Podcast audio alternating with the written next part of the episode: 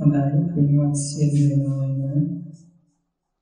ඔබ ඉදිරියේ වැඩ ඉන්න තුන් ලොවක් අනන්ත ගුණ සුවඳින් සුවඳවත් කළ දස බලධාරී තථාගත අරහත් සම්මා සම්බුදුරජාණන් වහන්සේගේ ශ්‍රී පාද පද්ම අභියස අප සියලු දෙනාගේම උත්තමාංග නමස්කාරයම වේවා කියලා සාදුකාරය.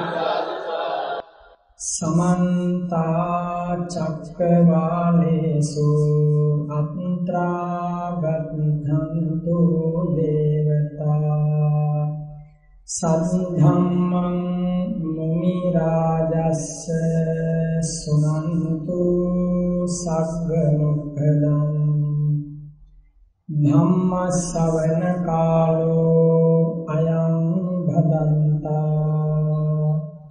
ධම්ම ශ්‍රවණ කාලෝ අයං භදන්තා ධම්ම ශ්‍රවණ කාලෝ අයං භදන්තා යෝ පප්පතෝ පීහිපි අප්පනියං කාලං කරුන්තෝ අති දුක්ඛරානි හේදං ගතෝ ලෝක හිතායනාතෝ නමෝ මහාවීර මුනිවරස්ස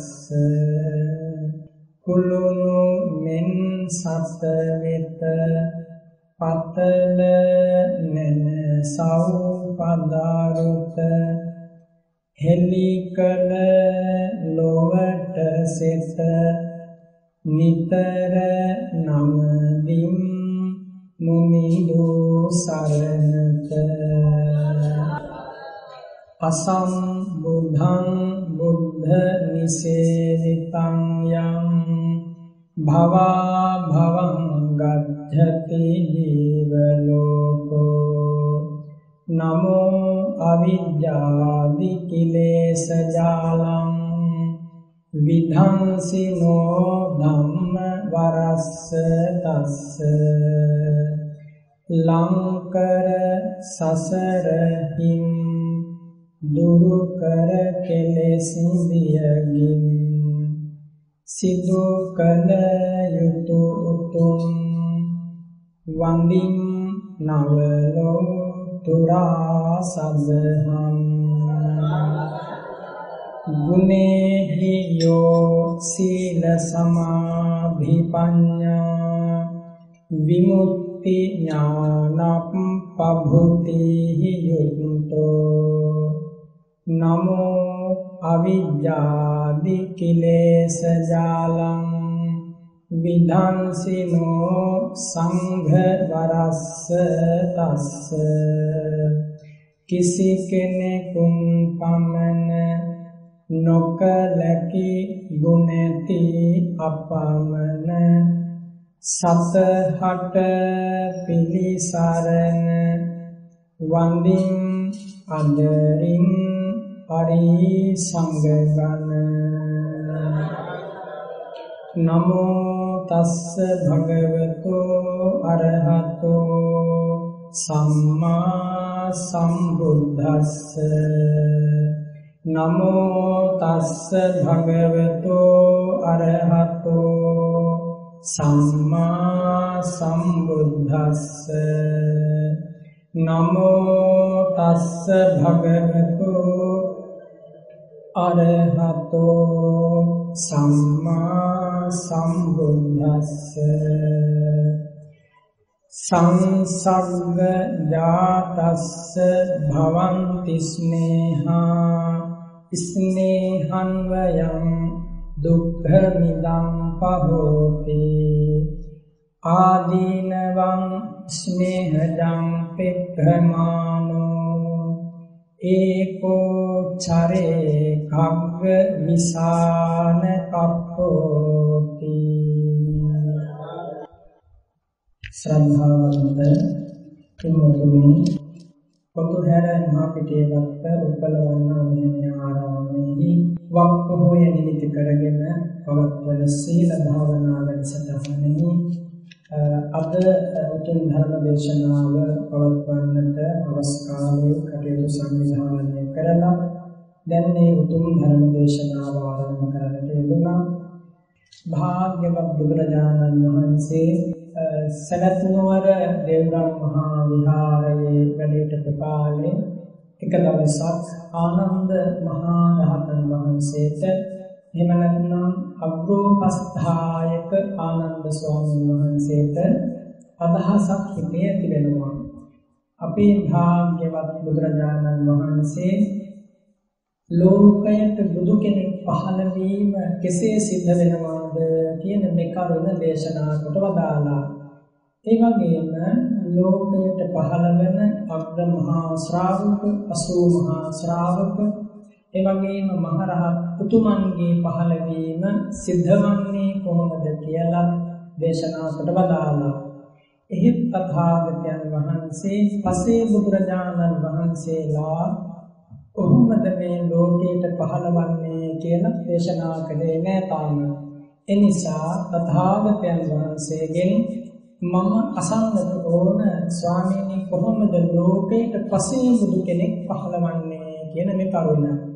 ආනන්ද ස්වාමීන් වහන්සේ භාග්‍යවත් බුදුරජාණන් වහන්සේගේ සුරක්තවර ශ්‍රී පාද පද්ම වන්දනා කරලා දසනත සමෝධානයෙන් යුක්තව අසා අහනවා ස්වාමීනි අනුකම්පාවෙන් දේශනා කරන්න ලෝකයට කොහොමද ස්වාමීනි? පසේ බුදුරජාණන් වහන්සේලා පහළවන්නේ ඒ වෙලාවේ භාග්‍යවත් බුදුරජාණන් වහන්සේ සිරිමුව මඩලින් දේශනා කොට වදාරනවා ආනන්ද පංචමේ ආනන්ද ආනිසංසා කුම්භ යෝගාවචරේ ආනන්ද යම් කිසි කෙනෙක් මේ උතුම් ධර්ම මාර්ගය තුල තථාගත අරහත් බුදුරජාණන් වහන්සේ නමක් ලෝකයට විවර කරන ධර්ම මාර්ගය තුල සිත පහදවාගෙන සීලාදී පිළිවෙත් ධර්ම සම්පූර්ණ කරනවා නම් ඒ කියන්නේ අද මේ පින්වත් පිරිස වගේ උතුම් සීලයක පිළිතලා කල්යාණ මිත්‍ර මඟ පෙන්වීමෙන් සිත සමාධිමත් කරන අමා නිවනෙහි හික්මෙනවා නම් අන්න ඒ වගේ කෙනෙක් දිත්තේව ධම්මේ පටිගත්තේව අඤ්ඤං ආරාධෙන්ති. වැඩි කාලයක් යන්න කලින් ශාන්ත අමා නිවන ඒකාන්තයෙන් අරහත් ඵල විමුක්තියෙන් සාක්ෂාත් කරනවා කියලා බදාලා. නොචේ දිත්තේව ධම්මේ අඤ්ඤං ආරාධෙන්ති. මේ ජීවිතයේ බැරි වුණොත් ආනන්ද ධර්මයේ ඇසූ පමණින් අරහත් ඵල විමුක්තිය ලබන්න අත මරණ කාලේ අඤ්ඤං ආරාධෙන්ති. මැරෙන්න ඔන්න මෙන්න තිබියදී හෝ බුදුරජාණන් වහන්සේගේ ශ්‍රාවකයාට මේ උතුම් ධර්මය තුලින් අමාසන සිල්ල ලැබෙනවා. ඒ කියන්නේ මැරෙන්න මොහොතකට කලින් හෝ ධර්මයේ හැසිරෙන කෙනා ඒකාන්තයෙන් මඟ ඵල නිවනින් සැනසෙනවා කියලා සිරිමෝමල්ලෙන් වදාලා ඉන් අනතුරුව බුදුරජාණන් වහන්සේගෙන් අවසර ලැබෙනවා ආනන්ද නොචේ මරණ කාලේ අඤ්ඤං ආරාධෙන්ති මරණාසන්න සමයෙහි අරහත් ඵල විමුක්තියෙන් සැනසුනේ නැත්නම් අත්ථ දේවපුත්තෝ සමානෝ අඤ්ඤං ආරාධෙන්ති මරණින් මත්තේ දිව්‍ය ලෝකයකට හෝ බ්‍රහ්ම ලෝකයකට ගිහිල්ලා අමා නිවනින් සැනසෙනවා සත්‍යයි කියලා වදාලා ඉන් අනතුරුව ආනන්ද ස්වාමීන් වහන්සේට වදාරනවා ආනන්ද දිව්‍ය ලෝකෙ හෝ බ්‍රහ්ම ලෝකෙ ගිහිල්ලා කෙනෙකුට අරහත් ඵල විමුක්තියෙන් සැනසෙන්න බැරි වුණොත් මගේ මේ ධර්ම මාර්ගයේ ගමන් කරපු එයාට බුද්ධානං සම්මුඛී භාවේ කිප්පා භිඤ්ඤෝ හෝති බුදු කෙනෙක් මුණ ගැසුණාට පස්සේ හිතා ඉක්මනින් අමා නිවනින් සැනසෙනවා කියලා වදාලා.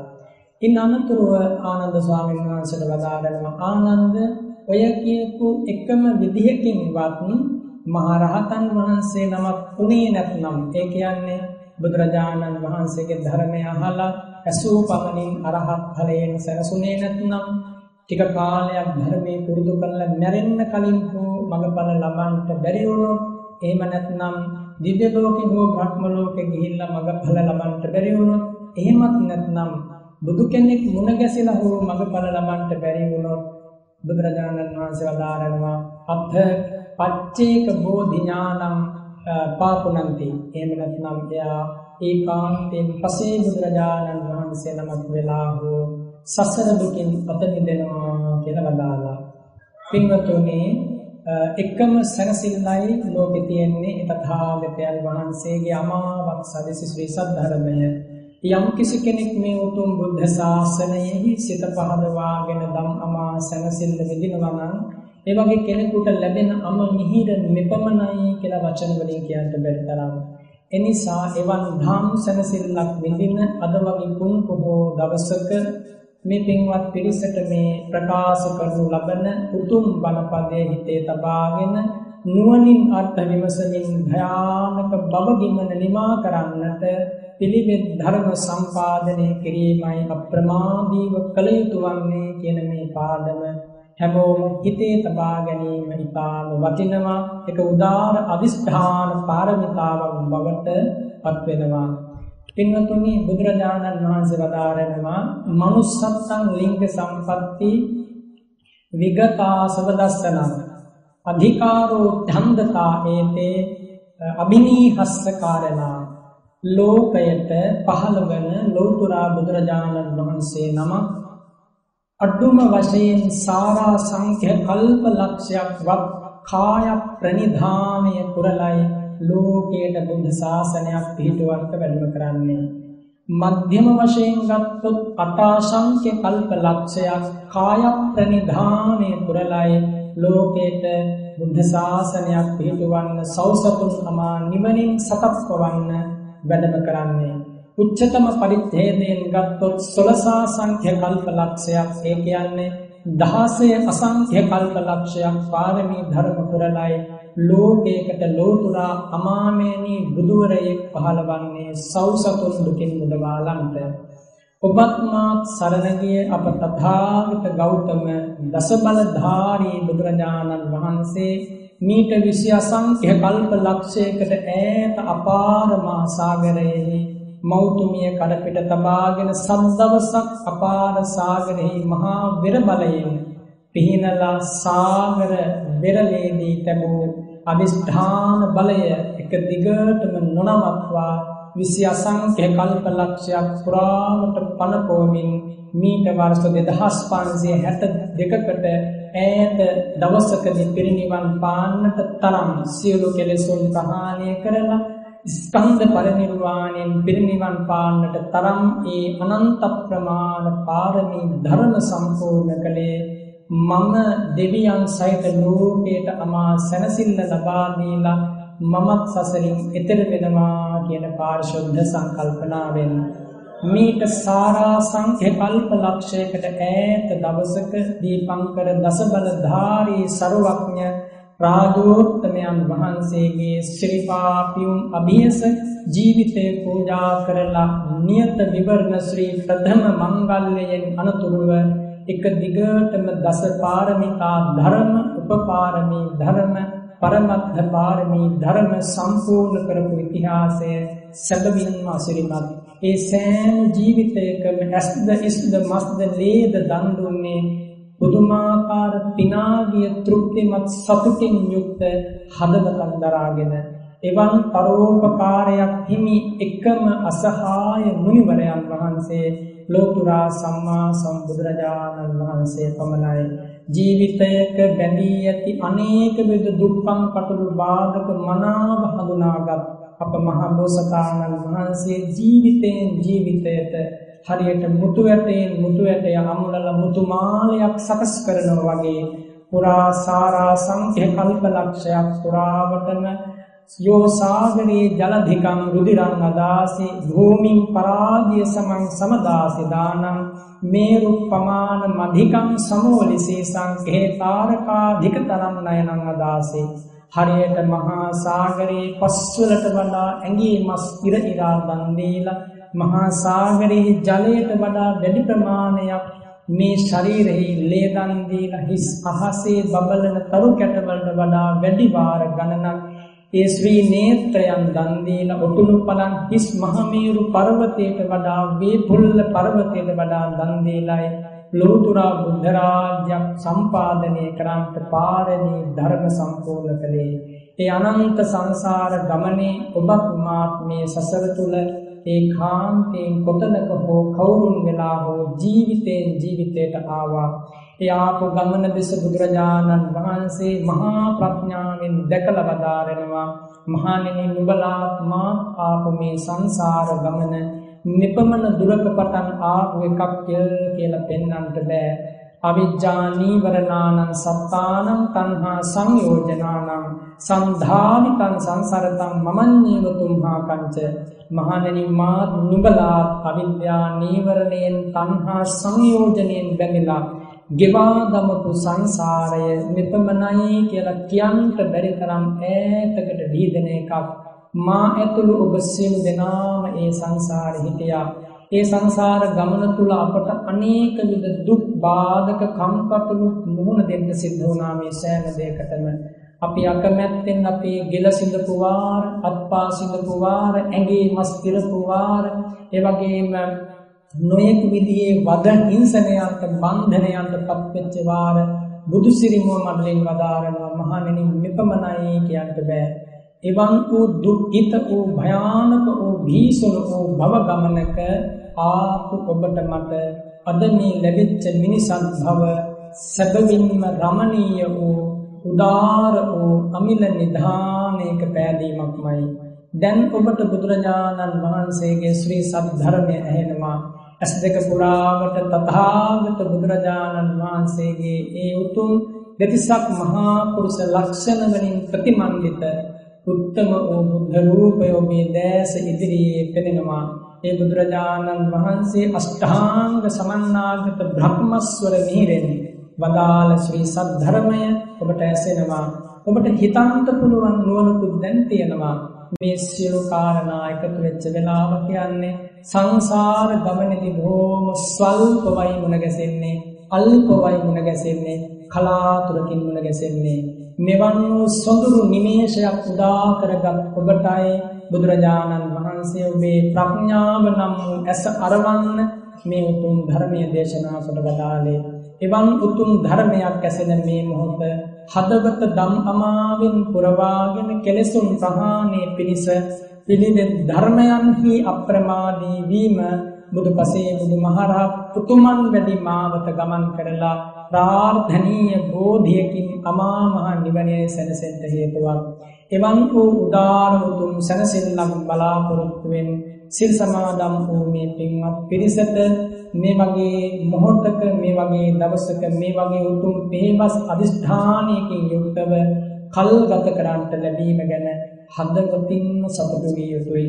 සංසාර ගමනේදී මෙවන් අවස්ථාවන් එළඹුණා නම් බොහෝම ස්වල්පයි කියන පණිවිඩය මා ඔබට කලින් මතක් කළේ ඔය කාරණේ මුල් කරගෙන බුදුරජාණන් වහන්සේ ආනන්ද ස්වාමීන් වහන්සේට වදාරනවා ආනන්ද පසේ බුද්ධ රාජ්‍යයට යම් කිසි කෙනෙක් පත් වෙනවා නම් එයා යටත් පිරිසෙන් දෙයා සංඛ්‍ය කල්ප ලක්ෂයක් පාරමී ධර්ම සම්පූර්ණ කරන්න ඕන.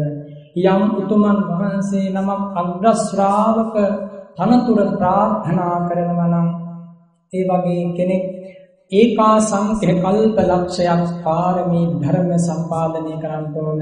80 මහා ශ්‍රාවකයන්ට ඇතුළත්ව බුද්ධ ශාසනයක් බබලන්ට බලාපොරොත්තු වෙනවා නම් ඒකා සංඛ්‍ය කල්ප ලක්ෂයක් අඩුම තරමින් පාරමී ධර්ම කාලය හැටියට සම්පූර්ණ කරන්න ඕන.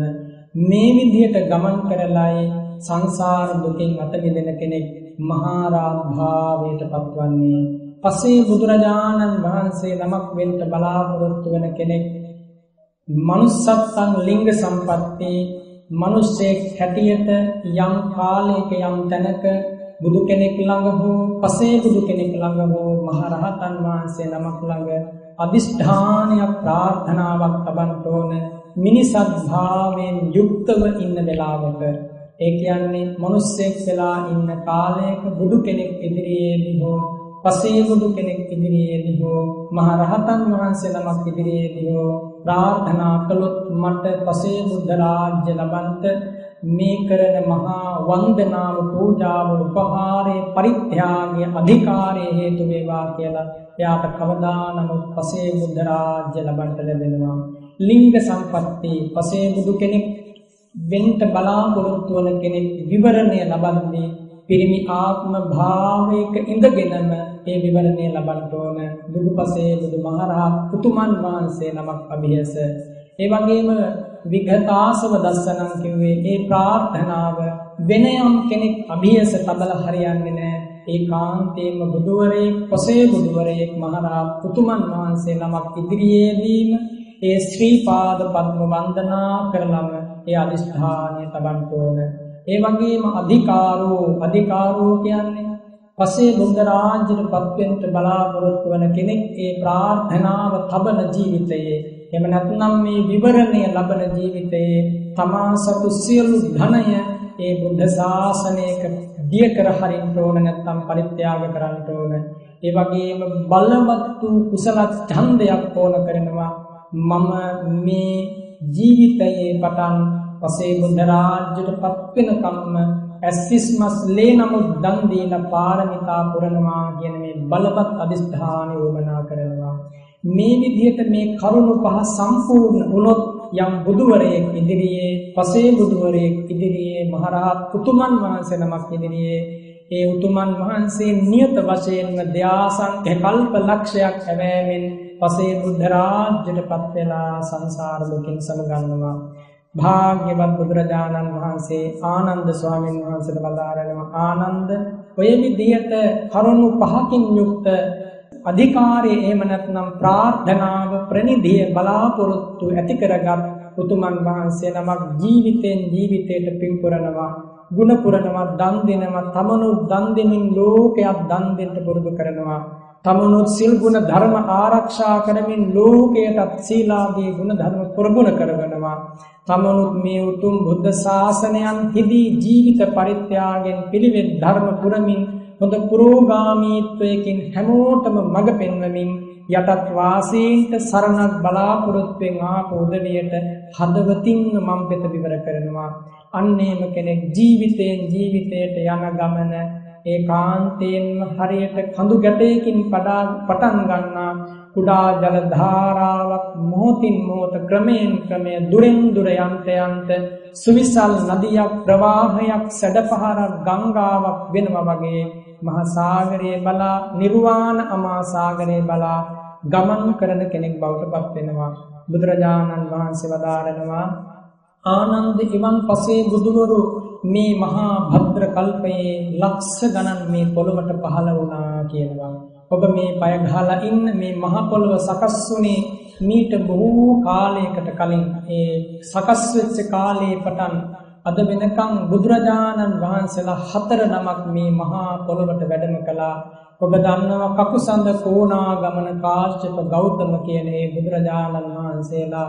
ඒ බුදුරජාණන් වහන්සේලා පහළ වෙන්න කලින් පහළ වෙලා පිරිනිවන් වැඩියට පස්සේ රහතන් වහන්සේලා පිරිනිවන් වැඩියට පස්සේ බුද්ධ ශාසන අතුරුදන් වුණාට පස්සේ පෙර පාරමී ධර්ම සම්පූර්ණ කරපු උතුමෝ පච්චේක බුද්ධ රාජ්‍යයට පත් වෙනවා.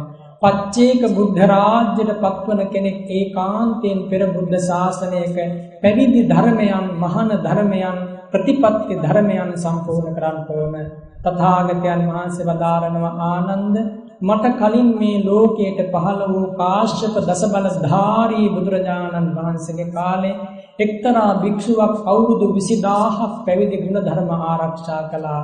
ඔහු ගතවත් ගත පච්චාගත වත සම්පූර්ණ කළා. කුමක්ද ගත පච්චාගත වත කියලා කියන්නේ.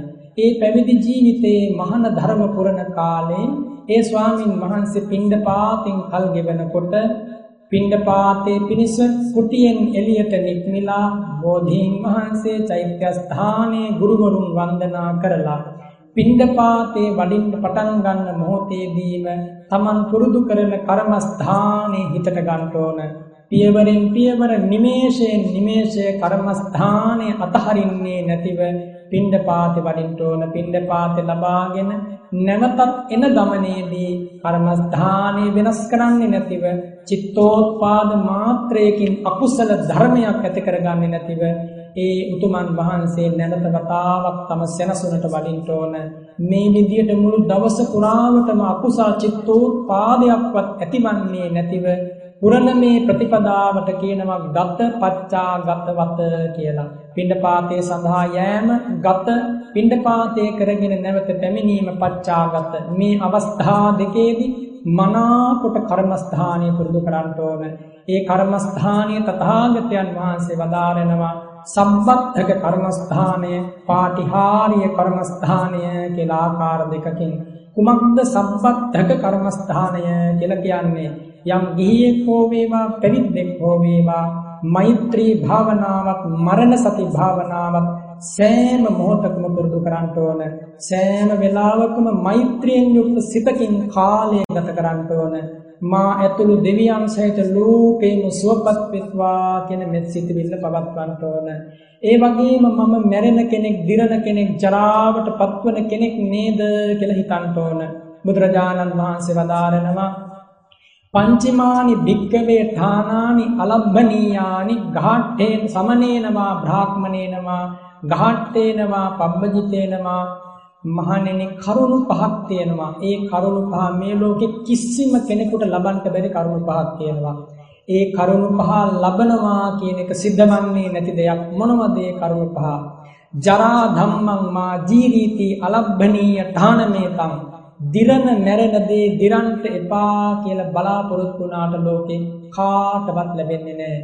පින්වතුනි ඔබත් මාත් දැන් කොච්චර දිරලා ගිහිල්ලාද? පුංචි කාලේ කිරිසප්පේ කැටියට මව් කුසින් බිහි වෙලා මව් දෙමව්පියන්ගේ ආධාරයෙන් දෙපයින් නැගී සිටීමේ හයිය ලබාගෙන දැන් ටික ටික මෝරලා ඔබ ඉන්න තැන මා ඉන්න තැන හොඳට සිහි කරන්න සැබවින්ම ඔබේ රූපය ජරාවටපත් වුණා මගේ රූපේ ජරාවටපත් වුණා. මේ රූපේ ජරාවටපත් නොවේවා කියලා හිතුවොත් කෙනෙක් එයා ඇත්තටම නුවණ තියෙන කෙනෙක් නෙමෙයි ඒ පැතුම ඒ බලාපොරොත්තු කිසිදාක ඉෂ්ට වන්නේ නැහැ එනිසා තථාගතයන් වහන්සේ වදාරනවා මහණෙනි ඉබඳු ධර්මයක් දිරන ධර්මයක් නොදිරාවා කියන මේ දේ ලබන්න බෑ කියනවා. දිරන ධර්ම කියන්නේ ඔබේ ශරීරය මගේ ශරීරය.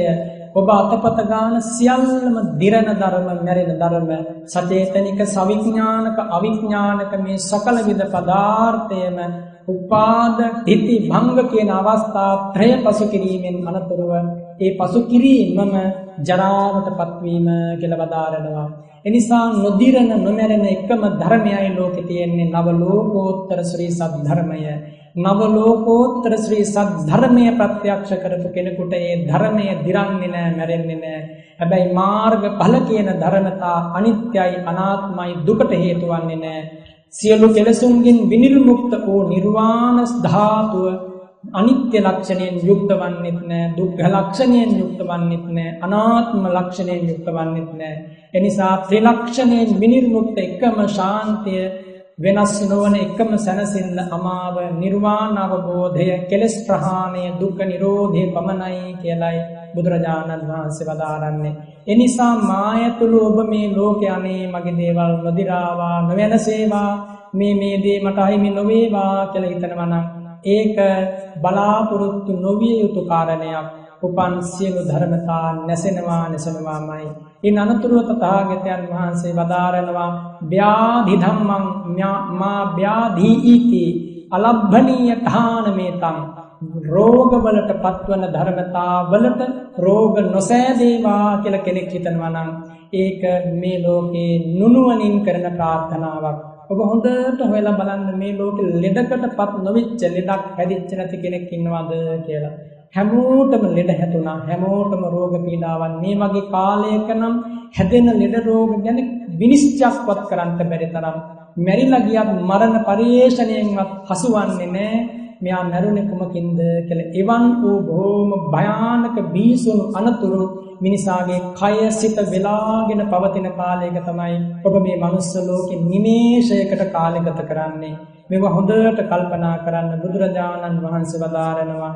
ජරාවට පත් වෙන දේ ජරාවට පත් නොවේවා කියලා හිතුවට ලැබෙන්නේ නැහැ වගේම ලෙඩ වෙන දේවල් ලෙඩ නොවේවා කියලා හිතුවට ඒක ලැබෙන්නේ නැහැ මොනවද ලෙඩ වෙන දේවල් කියන්නේ? ඔබත් ලෙඩ වෙනවා මාත් ලෙඩ වෙනවා. ඔබේ දුවාදරුවන් ලෙඩ වෙනවා ස්වාමි භාර්යාවරු ලෙඩ වෙනවා ඥාති හිතවතුන් ලෙඩ වෙනවා සචේතනික සියලු දෙනාට ව්‍යාධිය කියන මේ කාරණය උපතත් සමගම වෙස්වලාගත්ත ධර්මයක් ඇටියට ජීවිතය හා ප්‍රතිබද්ධ වෙලා. එනිසා ප්‍රතාගතයන් වහන්සේ වදාරෙනවා හැම වෙලාවකම හිතන්න මහණෙනි ලෙඩ වෙන කෙනෙක් කියලා හිතන්න කියනවා. ඒ වගේම වදාරනවා මහණෙනි මරණ ධම්මං මා මීයතීති අලබ්බනීය ඨානමේතං මැරෙන දේවල් මේ ලෝකේ තියෙනවා. ඒ දේවල් නොමැරේවා කියලා හිතුවට ලැබෙන්නේ නැහැ. මොනවද මැරෙන දේවල්? ඔබත් මැරෙන දෙයක් මමත් මැරෙන දෙයක් ඔබත් මාත් මැරෙන කෙනෙක්. සවිඥානික සියලු දෙනාම මරණ පරියෝසානං මරණන්තං ජීවිතං ඒකාන්තයෙන් ජීවිතේ මරණයෙන් කෙලවර වෙනවා. කෙලවර වෙනවා කියන එකෙන් අදහස් කරන්නේ භව දුක නිමා වෙනවා කියන එක නෙමෙයි. මේ ඔබට ලැබිච්ච ජීවිතය මට ලැබිච්ච ජීවිතය තව දින ගණනකින් අවසන් වෙනවා. මෙතන ඉන්න කිසි කෙනෙකුට කියන්න බෑ තව වේල් කීයද කන්න තියෙන්නේ කියලා. තව රාත්‍රී කීයද නිදා ගන්න තියෙන්නේ, තව උදෑසන කීයද ගත කරන්න තියෙන්නේ, තව වරු කීයද ගත කරන්න තියෙන්නේ, තව දවස් කීයද ඔබට ජීවත් වෙන්න තියෙන්නේ. හොඳට හිතලා බලන්න මේ කියන කාරණා ජරාවටපත් වෙද්දි, දි รา ද්දි, මැරෙද්දි, වයසට යද්දි මේ ලෝක යාත්‍රාවට හසු වෙලා මායා මෝහනීය ධර්ම ඔස්සේ හිත හසුරුවන කෙනෙකුට මේ සත්‍යය වැටහෙන්නේ නැහැ. එනිසා හැබැයි ඔබට මේ අවස්ථාව ඉතා උසස් ආකාරයෙන් අද ලැබිලා තියෙනවා. ඔබ හිතන්න මම ජරාවට පත්වන කෙනෙක් මම ලෙඩවන කෙනෙක් මම මරණයට පත්වන කෙනෙක් කියලා හිතන්න. සමහර විට මෙතන ඉන්න කෙනෙකුගේ අවසාන උපෝසත දවස වෙන්න පුළුවන් අද. සමහරට මෙතන ඉන්න කෙනෙක් ශ්‍රවණය කරන අවසාන බණපදයේ වෙන්න පුළුවන් මේ. එනිසා මේ තරම් අවිනිශ්චිත ජීවිතයක සැනසීමට එකම දෙයයි. ඒ තථාගත අරහත් බුදුරජාණන් වහන්සේ. ඒ අමා ධර්මය මහා සංඝරත්නය මේ උතුම් බුදුසසුන තුල රැස් කර ගන්නා පුණ්‍ය ධර්මයන්ම පමණයි ඇත්තටම සැනසීම පිණිස හේතු වන්නේ. එනිසා මේ කරුණ හොඳින් අනුස්මරණය කරන්න කල්ගත වෙන්න වෙන්න ඉන්ද්‍රිය ධර්ම දුර්වල වෙන්න වෙන්න මතක ශක්තිය නැති වෙන්න නැති වෙන්න දෑති දෙපයේ වාරු නැති වෙන්න නැති වෙන්න ජීවිතයක් අවබෝධ කරගන්නවා කියන එක ලේසි වන්නේ නැහැ. ඒ නිසා බුදුරජාණන් වහන්සේ වදාරනවා මැරෙන දේවල් නොමැරේවා කිව්වට ඒක එහෙම පවතින්නේ නැහැ ඒකාන්තයෙන් මැරෙනවා. ඉන් අනතුරුව දේශනා කරනවා සබ්බේහි මේ පියේහි මනාපෙහි නානා භාවෝ විනා භාවෝති මහණෙනි ඒකාන්තයෙන්ම ප්‍රියමනාප සියලු දේවල් වලින් වෙන් වෙන්න සිද්ධ වෙනවා කියලා හිතන්ට කියනවා. මෙතන නෑ කිසිම කෙනෙක් නොහඬකෝ නොවැළපෙච්ච හැම කෙනෙක්ම කුඩා කාලේ හෝ කඳුළු බලලා තියෙන ඔය දැස් වලින් හෙට දවසෙත් ඔය ඇස් වලින් කඳුළු බේරෙනවා. තව කොච්චර කාලයක් නම් හඬන්න වෙයිද කියලා කියන්න බැරි තරම් ධර්මාවබෝධයෙන් ලබන සැනසීම හැර කඳුළු සාගරයේ සිඳුවන වෙන කිසිම දෙයක් මේ ලෝකේ නැහැ. එනිසා බුදුරජාණන් වහන්සේ වදාරනවා ප්‍රියමනාප දේවල් වලින් වෙන් වෙන්න සිද්ධ වෙනවා කියලා හිතන එක බොහෝම හොඳයි. හිත නිවෙනවා, කෙලෙසුන් අඩු වෙනවා. ඉන් අනතුරුව හිතන්ට කියලා වදාරනවා මම කම්ම දායාදෝ කම්ම යෝනි කම්ම බන්ධූ කම්ම පටිසරණෝ කර්මය දායාද කරගෙන කර්මයම උත්පත්ති ස්ථානය කරගෙන කර්මය යෝනිය කරගෙන කර්මය ප්‍රභවස්ථානය කරගෙන ජීවත් වෙන කෙනෙක් කියලා හිතන්ට කියනවා. එතකොට දන්නවා මම විසින් කරන කාය වාක් මනෝ කර්මවල වගකීම මා වෙත පැවරෙනවා. හොඳ දේවල් කළොත් සැප විපාක ලැබෙන අතර නරක දේවල් කළොත් දුක් විපාක වලට මුහුණ දෙන්න සිද්ධ වෙනවා. මේ සනාතන ධර්මයේ අනුස්මරණය කරන ශ්‍රාවකයා පව් රැස් කරන්නට බය වෙනවා. කුසල් දහම් අප්‍රමාදීව සම්පාදනය කරනවා. බුදුරජාණන් වහන්සේ සිරිමුව මඩලින් වදාරනවා මේ ලෝකයේ සත්වයන්ට තියෙනවා ජීවිත මදය කියලා එකක්. මේ ලෝකේ සත්වයන්ට තියෙනවා යොබ්බන මදය කියලා ධර්මතාවයක්. ඒ කියන්නේ තරුණ කාලේ අපේ පය හය තියෙන කාලේ වාරු තියෙන කාලේ සමී පැහැය තියෙන කාලේ හැකියාවන් තියෙන කාලේ එයාට හිතෙන්නේ නෑ මම වයසට යන කෙනෙක් කියලා. ඇතැම් තරුණයෝ නෙමෙයි බොහෝ තරුණ පිරිස් මේ ලෝකේ කරන දේවල් බැලුවට පස්සේ මනාව ඒ දේ වැටහෙනවා. කිසිදාක නොදිරන නොමැරෙන අය ලෙස සිතමින් ඔවුන් හැසිරෙනවා. ඔබත් හිතලා බලන්න ඔබේ ජීවිතවල මෙතන ඉන්න යම් සැලකිය යුතු කාලයක් ගෙවපු ඇත්තෝ තරුණ කාලේ කොහොමද හිතුවේ කියලා. තරුණ කාලේ යම් කිසි කෙනෙක් හිතනවා නම් මම දිරන්නේ නැහැ කියලා ජරාවට පත්වන්නේ නැහැ කියලා. ඒක ප්‍රමාදයට කාරණයක්, මදයට කාරණයක්, මෝහනීය ධර්මයක්. ජරාවට පත්වෙනවා කියලා හිතනකොට ඒ යොබ්බන මදය ප්‍රහාණය වෙනවා දුරු වෙනවා. බුදුරජාණන් වහන්සේ වදාරනවා ආරෝග්‍ය මදය කියලා එකක් මේ ලෝකෙ මිනිසුන්ට හට ගන්නවා. කුමක්ද ඒ ආරෝග්‍ය මදය කියන්නේ? ලෙඩ දුක් හැදෙන්නේ නැතුව නිරෝගීව කල්ගත කරන කෙනෙකුට හිතෙන්න පුළුවන්. මට රෝගයක් පීඩාවක් හැදෙන්නේ නැහැ මම බෙහෙත් පෙත්තක් දීපු කාලයක් මතක නැහැ මම බොහොම නිරෝගී කෙනෙක් කියන මේ අදහස කෙනෙකුගේ හිතට එන්න පුළුවන්. ඒ අදහස ආවාට වැඩක් නැහැ බුදුරජාණන් වහන්සේ වදාරනවා කොයියම්ම හෝ මොහොතක හැදෙනවා ව්‍යාධිය කොයියම්ම හෝ මොහොතක හැදෙනවා ලෙඩ දුක් පීඩා මෙවට ඒකාන්තයෙන් මුහුණ දෙන්න සිද්ධ වෙනවා. මම ලෙඩ වෙන කෙනෙක් ය කියලා හිතුවට පස්සේ කොයි වෙලාවේ රෝග පීඩා මොනයම් විදිහකින් ජීවිතයට ආවත් මරණය කෙලවර කොටගෙන රෝගාබාධ වැළඳුනත් හිත හදාගන්න පුළුවන් මම මේ කරුණ ජීවතුන් අතර ඉන්න කාලේ හැකියාව තියෙන කාලේ මෙනෙහි කළානේ කියලා හිතන්න පුළුවන්. එහෙම කෙනෙකුගේ ආරෝග්‍ය මදය කියන මේ ප්‍රමාදයට හේතු වන කාරණේ ප්‍රමාණය වෙනවා. මේ ලෝකේ සමහර කෙනෙකුට තියෙනවා ජීවිත මදය කියලා කාරණයක්. ඒ කියන්නේ මම නම් දැන්ම මැරෙන්නේ නැහැ කියන මේ කාරණය. මෙතන ඉන්න කෙනෙක්ගෙන් ඇහුවොත් අපි සිල් දනා අතරින් කවුද ඉස්සෙල්ලාම දැන් ඊළඟට මැරෙන කෙනා කියලා හැමෝම තව කෙනෙක් දිහා බලාවේ. හැමෝම ළඟ ඉන්න කෙනා දිහා බලාවේ. එහෙම නැත්නම් මෙතන ඉන්න ටිකක් වයසක මැත්තෝ දිහා බලාවේ. මේ මේ ඇත්තෝ තමයි ඉක්මනින්ම මැරෙන්නේ කියලා. හැබැයි ඒක වැරදි විනිශ්චයක්. ඒක වැරදි විනිශ්චයක් මරණය කියන ධර්මතාවය ඔබට මට එන වෙලාව යොවුන් වියද බාල වියද මැදි වියද අවසන් වියද කියලා කියන්න බෑ. මේ කරුණ මේ ලෝකයේ දෙස බලන ඕනෑම කෙනෙකුට ප්‍රකට වන කාරණයක් ප්‍රකට වුණාට ඒ අදහස හිතේ දරා ගන්න බැරි විදියට නීවරණ ධර්ම වලින් අකුසල ධර්ම වලින් මනස අසංවර වෙලා එවන් අවස්ථාවක මේ සත්‍ය විවරණය ධර්ම විවරණය හෘදයාංගම වෙන්නේ නැහැ හිතට යන්නේ නැහැ එහෙම වුණාට පස්සේ ප්‍රමාදය ඇති වෙනවා ජීවිත මදේ ඇති වෙනවා. මම තාම මැරෙන්නේ නැහැ ළඟකදී මම මැරෙන්නේ නැහැ තව බොහෝ කාලයක් ඉන්නවා කියන අදහස. ඒක නැති වෙනවා මරණ සති භාවනාව කරනකොට මම මැරෙන කෙනෙක් කියලා හිතනකොට. ඒ වගේම මේ ලෝකේ ජීවත් වෙනකොට මිනිසුන්ට වුණොවුන් අතර ප්‍රේමය, ආදරය, සෙනෙහස, ඇල්ම, බැඳීම මේ නැති වෙනවා. බුදුරජාණන් වහන්සේ වදාරනවා අපි සියලු දෙනාම වෙන් වෙලා යනවා කියලා හිතනකොට ඒ අදහස නැති වෙලා යනවා. ඒ වගේම මේ ලෝකේ ඉන්න මිනිස්සු බොහෝ පව් රැස් කරනවා කාය දුස්චරිත වචී දුස්චරිත මනෝ දුස්චරිත මේ වගේ කෙලවරක් නැහැ පංච දුස්චරිතේම දස අකුසලේම සම්පාදනය කරන්න නැත්නම් මේ ලෝකේ ඉන්නවා. හැබැයි පින තියෙන කෙනෙකුට කොයිතරම් අකුසල් ධර්ම රැස් වෙලා තිබුණත් පංච ආනන්තරීය පාප කර්ම සිද්ධ කරලා නැත්නම් අන්නේ වගේ කෙනෙකුට පුළුවන් මම මේ කරපු දේවල් වලට විපාකයට යම් දවසක මුහුණ දිය යුතුයි. ඒ නිසා මම අද ඉඳන් සංවර වෙනවා, ධර්මයේ හැසිරෙනවා, සීලාදී ගුණ ධර්ම කරනවා කියලා හික්මෙන්ට එවන් කෙනෙකුට අවස්ථාව තියෙනවා.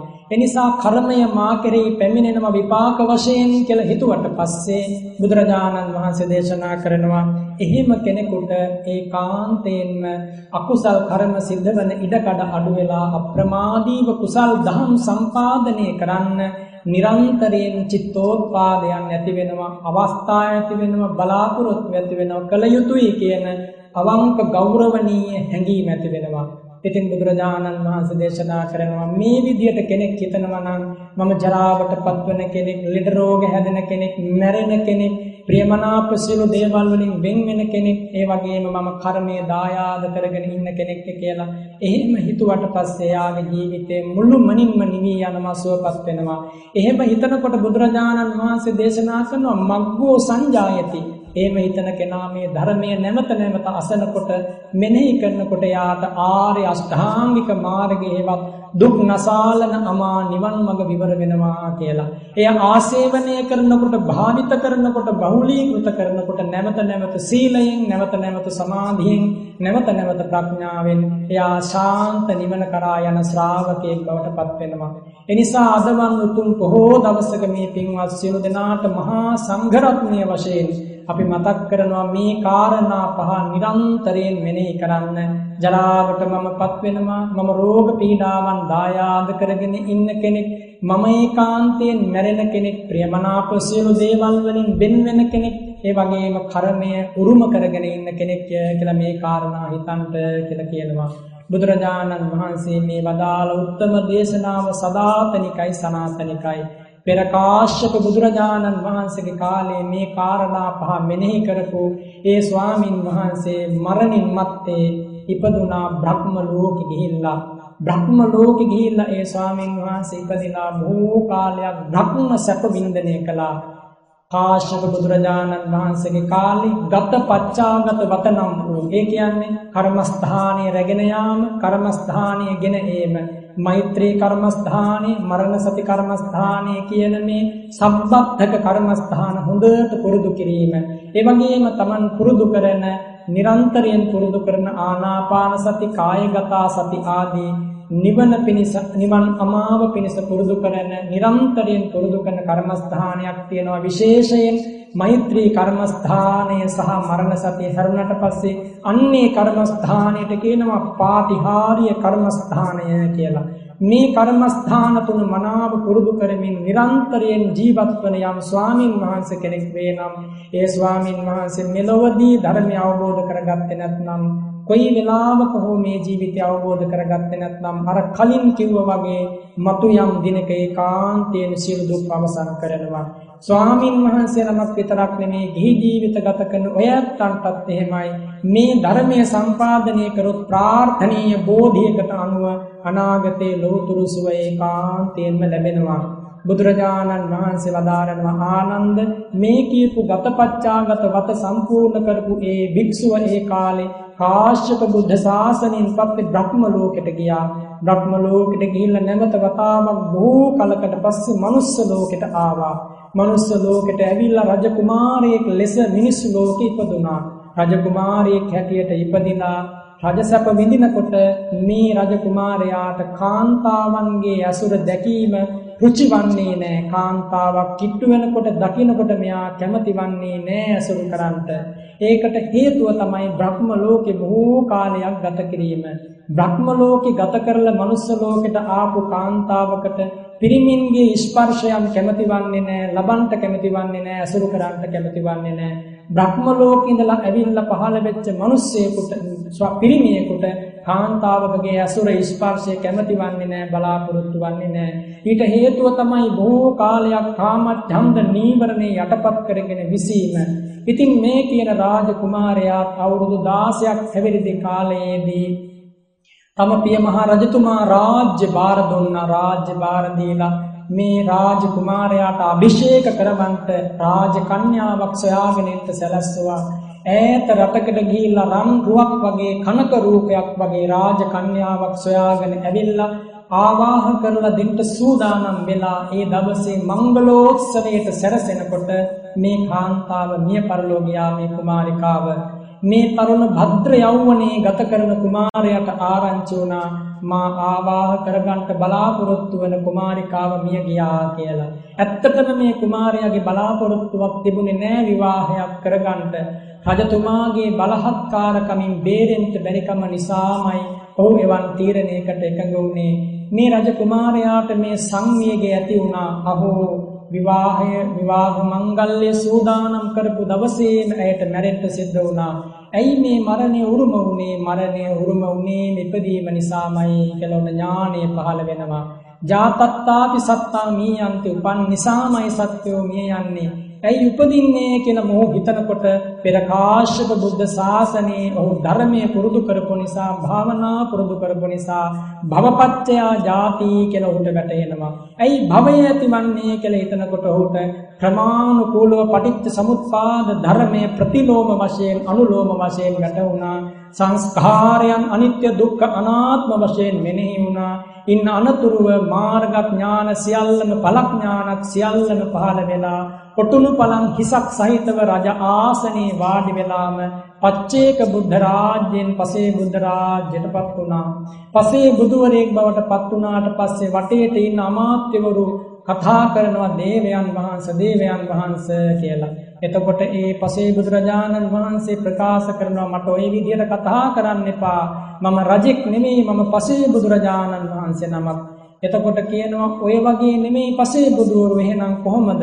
පසේ බුදුවරු කියන්නේ කසාවතක් දරන හිස මුඩු කරපු පාත්‍ර සිවුරු දරන උපශාන්ත වේශධාරී උතුමන් වහන්සේලා කියලා කියනවා. මේ කැහුවට පස්සේ මේ පසේ බුදුරජාණන් වහන්සේ තමන්ගේ දකුණු ශ්‍රී හස්තයෙන් හිස පිරිමදිනකොට ඔටුන්න ඉවත් වෙලා රජයඳුම් ඉවත් වෙලා ස්වර්ණ පාදුකා ඉවත් වෙලා හරිම පුදුමයි. ඉරිදයෙන් ලැබිච්ච පාත්‍ර සිවුරු ධාරීව සැටවස් පිරිච්ච තෙරනමක් වශයෙන් පෙනී ඉන්නවා. පසේ බුදුරජාණන් වහන්සේ නමක් හැටියට පෙනී ඉන්නවා. හරිම පුදුමයි. ඒ ආශ්චර්යමත් ධර්මයේ ප්‍රතිඵල ඒ පසේ බුදුරජාණන් වහන්සේ සිංහාසනයේ නහසට නැගලා පරයන්කයක් බැඳගෙන ඉන්නකොට අමාත්‍යවරු රජමැදුරේ අන්තපුරේ සියලු දෙනාම සියලු රාජ මාලිගාවේ වැඩ කරන අය ඒ වගේම හමුදා කඳවුරුවල වැඩ කරන අය සියලු දෙනාම අහස දෙස බලාගෙන වන්දනා කරගෙන අහනවා. පසේ බුදුරජාණන් වහන්සේ ඔබ වහන්සේ දැන් කොහෙද වඩින්නේ? ඔබ වහන්සේ අපි තනි කරලා යනවද? ඒ වෙලාවේ පසේ බුදුරජාණන් වහන්සේ බදාරනවා සංසග්ග ජාතස්ස භවන්ති ස්නේහා ස්නේහන්වයන් දුක්ඛමිදං පහෝති ආදීනවං ස්නේහජම් පෙක්ඛමානෝ ඒකෝ චරේ කග්ග විසාන කප්පෝ කියලා දේශනා කරනවා. සියලු දෙනාටම කියනවා පින්වත්නි මේ ලෝකෙ මිනිස්සු හතර සංසග්ග ජාතස්ස භවන්ති ස්නේහා මිනිස්සු අතර සෙනෙහස ඇති වෙනවා ප්‍රේමය ඇති වෙනවා ආදරය ඇති වෙනවා බැඳීම ඇති වෙනවා සෙනෙහස ඇති වෙනවා ඔවුන් ඔවුන් අතර වෙලීම් බැඳීම් ඇලීම් පැටලීම් මේ සියල්ලම ඇති වෙන්නේ සෙනෙහස නිසාමයි චන්දරාගය නිසාමයි. මං ඒ චන්දරාගය දැන් දුරු කළා. සංසග්ග ජාතස්ස භවන්ති ස්නේහා ඒ සෙනෙහස නිසාමයි ඇතිවන තාක් දුක් ඇතිවන්නේ. ස්නේහන්මයන් දුක්ඛමිදම් පහෝති ආදීනවං ස්නේහජම් පෙක්කමානෝ මේ සෙනෙහස ප්‍රේමාදී හැඟීම් නිසා කෙලෙසුන් නිසා ඇතිවන දුක ගැන දකිමින් එය අවබෝධ කරමින් එය ප්‍රහාණය කරමින් දුක්ඛ සමුදය වශයෙන් මම චතුරාර්ය සත්‍ය අවබෝධ කළා. දැන් මම ගන්ධමාදන පර්වතයට ගිහිල්ලා ඒකෝ චරේ කග්ග විසාන කප්පෝ. කඟ මෙහෙනෙකුගේ අඟක් බඳු එකලාව හැසිරෙනවා කියලා එදායි පසේ බුදුරජාණන් වහන්සේ වදාලා ගන්ධමාදන පර්වතයට ගිහිල්ලා බොහෝ කලක් වැඩ ඉඳලා ඒ පසේ බුදුරජාණන් වහන්සේ පිරිනිවන් වැඩියා කියලා පසේ බුදුවරු ගැන අහපු ආනන්ද ස්වාමීන් වහන්සේට භාග්‍යවත් වූ බුදුරජාණන් වහන්සේ සිරිමුව මඩලින් දේශනා කළා. එනිසා පින්වත්තුනි අද වගේ දවසක ඔබ පුරණ සීලය ඔබ සමාදන් වූ උපෝසතය ඔබ අද වගේ දවසක මොහොතක් නමුත් අනුස්මරණය කරන බුදු ගුණය, ධම් ගුණය, සංඝ ගුණය, ජීවිතයේ අනිත්‍ය දුක්ඛ අනාත්ම ස්වභාවය මේ උතුම් උදාර ධර්ම මාර්ගයේ තෝනුව ඔබට කිසිදාක අපත යන්නේ නැහැ මෙලොවදී හෝ පරලොවදී හෝ මොනයම් හෝ ජීවිතයක සංසාර කතරෙන් අත මිදීම පිණිස මේ උතුම් මහා පින ඒකාන්තයෙන් හේතු වෙනවා කියන එක මේ වෙලාවේ ඔබ සියලු දෙනාට බොහෝම මෛත්‍රියෙන් මතක් කරනවා. බුදුරජාණන් වහන්සේගේ අනුශාසනාවට අනුව අද දවසේ ධර්ම දේශනාව නිමා කරනවා. මේ උතුම් ධර්ම දේශනාව සඳහා විශේෂයෙන් අද පුණ්‍යානුමෝදනාව වශයෙන් සඳහන් කරලා තියෙනවා පොතුහැර මේ මහ පිටියේවත් උප්පලවන්නාමේනී ආරාමේ වප්පොහොය දවසේ කෙරෙන මේ වැඩසටහන දේශකයන් වහන්සේට උපකාර කරන සියලු දෙනාටම අමා මහ නිවනින් සැනසෙන්න ලැබේවා කියන පිවිතුරු බලාපොරොත්තුව තමයි ඒ සත්පුරුෂ සියලුම දෙනා සිද්ධ කරනු ලබන්නේ. අපි දැන් ගාථා සජ්ජායනා කරලා සියලු දෙවියන්ට ඥාතීන්ට පින් අනුමෝදන් කරලා අද වැඩසටහන සමාප්ත කරනවා. ඉදංගෝ ඥාතිනං හෝතු සුඛිතා හොන්තු ඥාතයෝ. ඉදංගෝ ඥාතිනං හෝතු සුඛිතා හොන්තු ඥාතයෝ. ඉදංගෝ ඥාතිනං හෝතු සුඛිතා හොන්තු ඥාතයෝ. එත්තාවතාච අම්මේහි සම්භතං පුඤ්ඤ සම්පදං සම්මේ දේවා අනුමෝදන්තු සබ්බ සම්පත්ති සිද්ධියා. සම්මේ භූතා අනුමෝදන්තු සබ්බ සම්පත්ති සිද්ධියා. සම්මේ සත්තා අනුමෝදන්තු සබ්බ සම්පත්ති සිද්ධියා. සාදු සාදු සාදු. මම මේ වෙලාවේ මහා සංඝරත්නය වශයෙන් පින්වත් සියලු දෙනාටම ආශිර්වාද කරනවා. මේ උතුම් උදාර පින්කම් මාලාවේ පුරෝගාමීත්වය දරන ඒ පින්වත් මහත්ගුරු දෙක් සියලු දෙනාටම සංවිධායක මණ්ඩලයේ සියලු දෙනාටම මේ මෙහෙණි ආරාමේ දායක කාරකාදීන් ඇතුළු සෑම සියලු දෙනාම මේ උතුම් උදාර පින් බලයෙන් නිදුක් වෙත්වා නිරෝගී වෙත්වා සුවපත් වෙත්වා.